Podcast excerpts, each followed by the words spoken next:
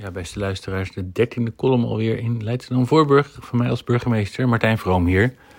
Titel is Tandje erbij in het kennismaken. Kijk, deze week was natuurlijk een dagje korter dan normaal, hè. Tweede Pinksterdag was het heerlijk weer. Het is echt een ideaal dagje om een paar uur langs de lijn te zitten. Kopje koffie erbij en zien hoe uiteindelijk de plaatselijke cricket de directe concurrent versloeg. Het was een mooie wedstrijd.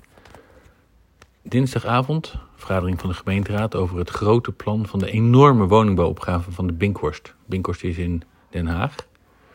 En het is veel meer dan alleen de woningbouwopgave. Het is een megaplan. Behalve lokale werkgelegenheid ook voor de verplaatsing van tienduizenden nieuwe bewoners. Want ja, die komen er allemaal wonen. Meer mensen dan er in heel Wassenaar of heel Krimp aan de IJssel wonen. Komen allemaal daar wonen op vier vierkante kilometer. Gaan die allemaal een auto voor de deur zetten? Of hoe verplaatsen ze zich? De fiets, met de tram, ja, hoe dan?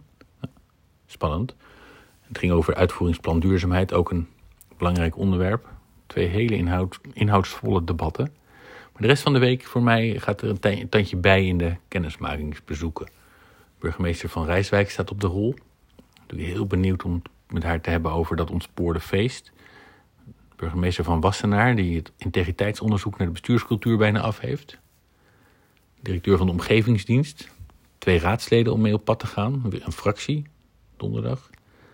Ja, ook nog een vereniging van oud-raadsleden, oud-wethouders. En vrijdag de Walk Downtown. En dan s'avonds ook nog een concert wat de Lions organiseren. Kortom, van alles en nog wat.